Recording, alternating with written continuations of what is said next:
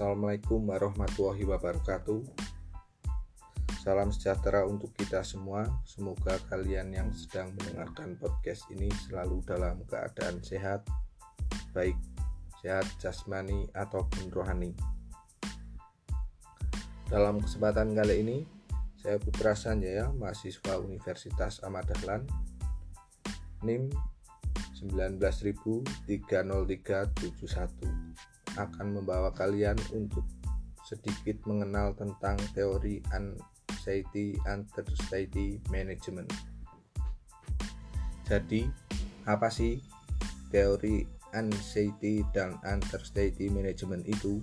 Teori anxiety dan understudy management itu atau yang dikenal dengan istilah teori kecemasan dan ketidakpastian adalah perkembangan dari teori anxiety reduction oleh Judy Kunz pada tahun 1985.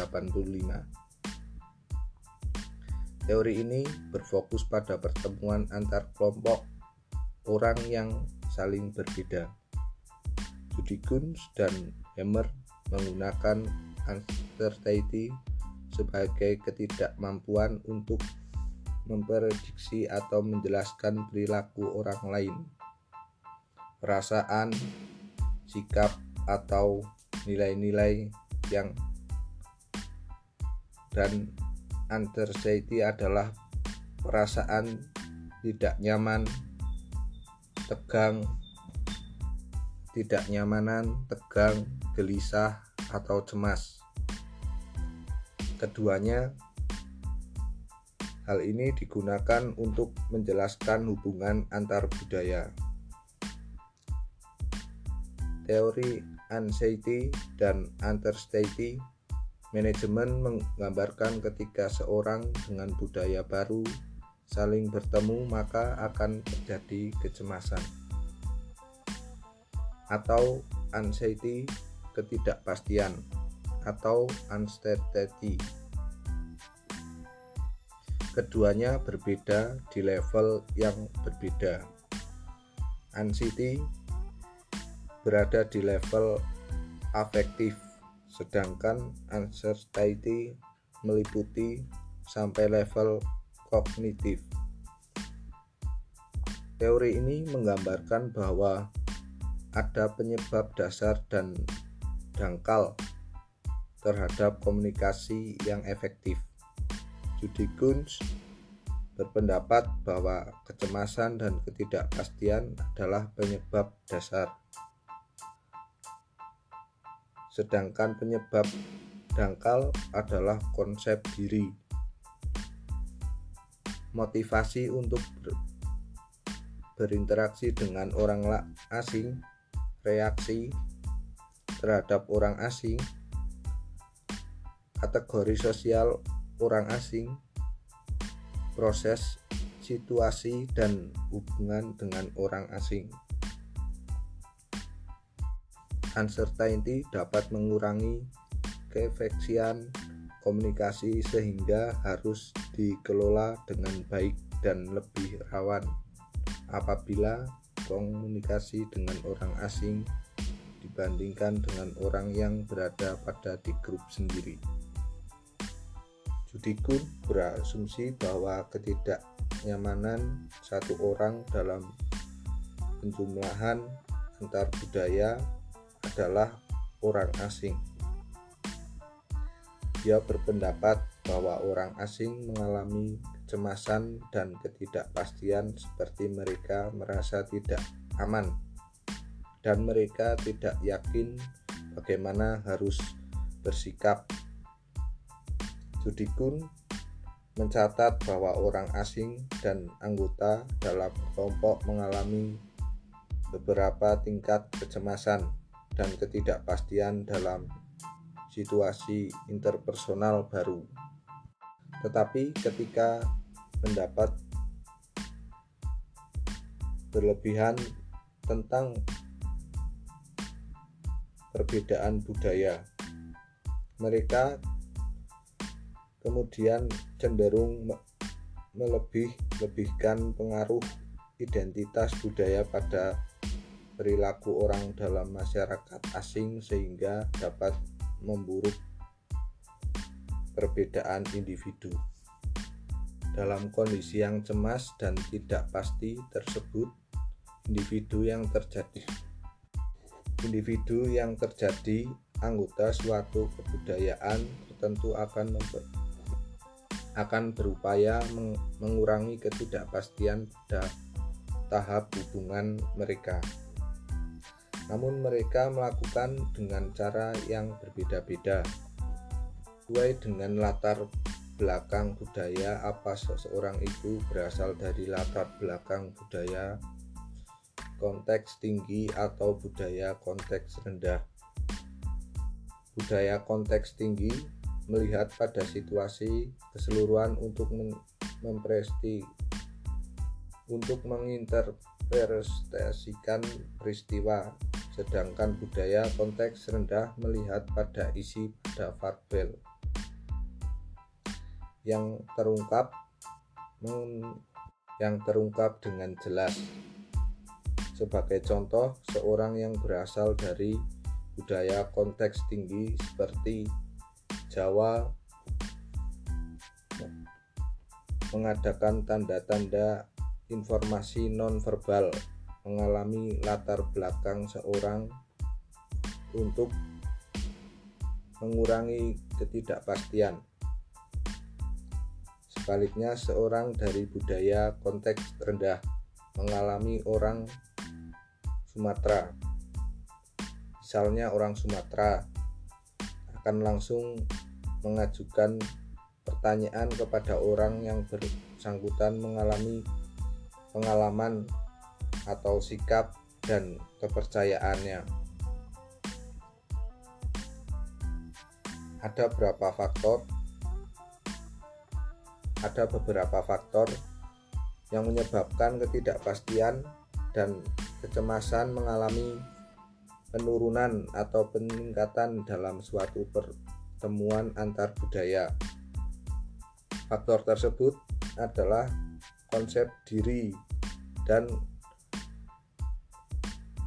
kompetensi-kompetensi antar budaya yang terjadi dari faktor motivasi.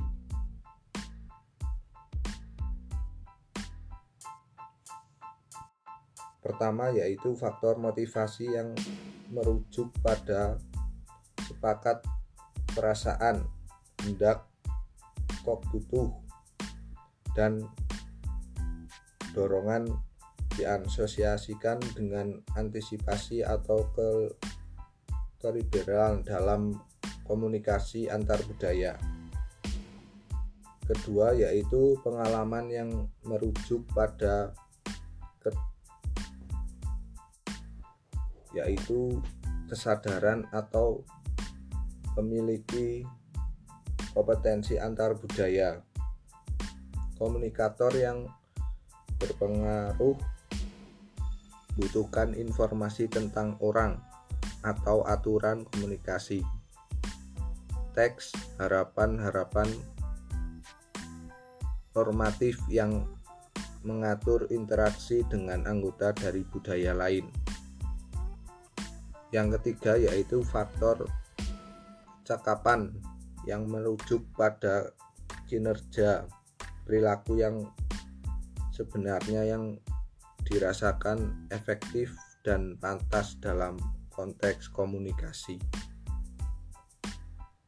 Agar terjadi terjadi seseorang yang mengerti berarti seorang yang memiliki kebutuhan terhadap informasi baru dan memiliki beberapa perspektif budaya dan dapat menciptakan variasi kategori untuk memahami cara pandang budaya orang lain. Selain itu, seksnitivitas juga diperlukan dalam proses pertukaran maka yang kompleks antar individu dengan latar belakang budaya yang berbeda-beda. Dalam perspektif komunikasi antar budaya, pengertian atau meaningful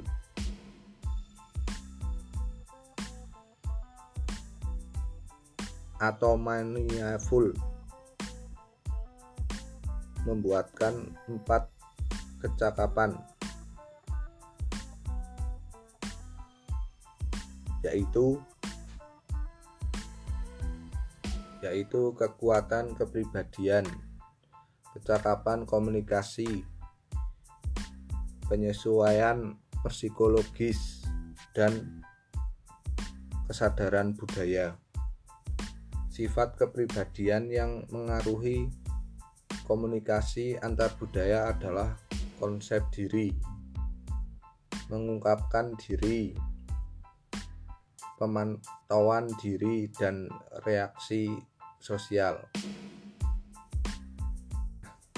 Untuk lebih jelasnya, saya akan memberikan sebuah contoh untuk mendukung penjelasan saya tadi.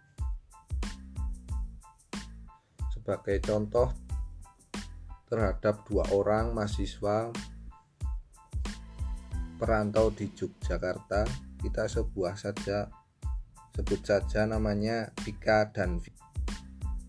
ketika berasal dari Pulau Jawa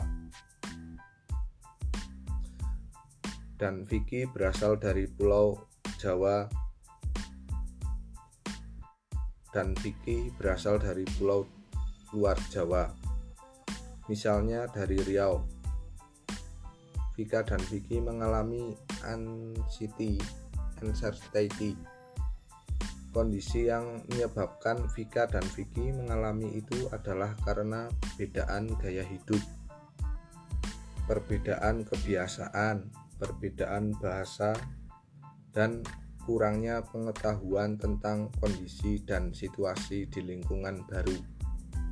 Nah, untuk mengelola rasa cemas dan tidak pastian yang dialami oleh Vika dan Vicky, maka mereka harus memiliki stretching, pengelolaan kecemasan dan ketidakpastian. Strategi yang meng strategi yang pertama adalah strategi interaktif strategi interaktif yang dilakukan oleh mahasiswa perantauan ini ditandai dengan inisiatif untuk menyapa orang lain, berkenalan, dan bertanya. Strategi ini membuat mahasiswa perantauan lebih merasa nyaman dan lebih cepat dalam menyesuaikan diri dengan lingkungannya. Yang kedua, saya pengertian atau belajar memahami budaya atau lingkungan baru. Melalui belajar memahami lingkungan baru, maka mahasiswa perantauan terjadi lebih mudah untuk berinteraksi dengan memiliki kecap kecakapan informasi yang tidak ada dengan budaya lain dan lingkungan sekitar. Yang ketiga adalah presentasi sosial mahasiswa perantauan yang terjadi secara bertahap. Pertama adalah orientasi yang ditandai dengan kreatif dengan keaktifan mahasiswa perantauan dalam melalui interaksi dengan orang lain. Tahap kedua adalah tahap pertukaran A, pertukaran afektif eksplorasi dengan melalui membangun membangun kewaspadaan tahap ini dua individu terhubung sangat erat di mana masing-masing individu maupun memprediksi perilaku dan tidak tindakan dan individu lain secara akurat. Sekian penjelasan tentang anxiety dan anxiety management dari saya. jika ada kurangnya dan salah-salah kata saya mohon maaf dan sampai bertemu kembali pada kesempatan dan podcast lain. Waalaikumsalam warahmatullahi wabarakatuh. Makasih teman-teman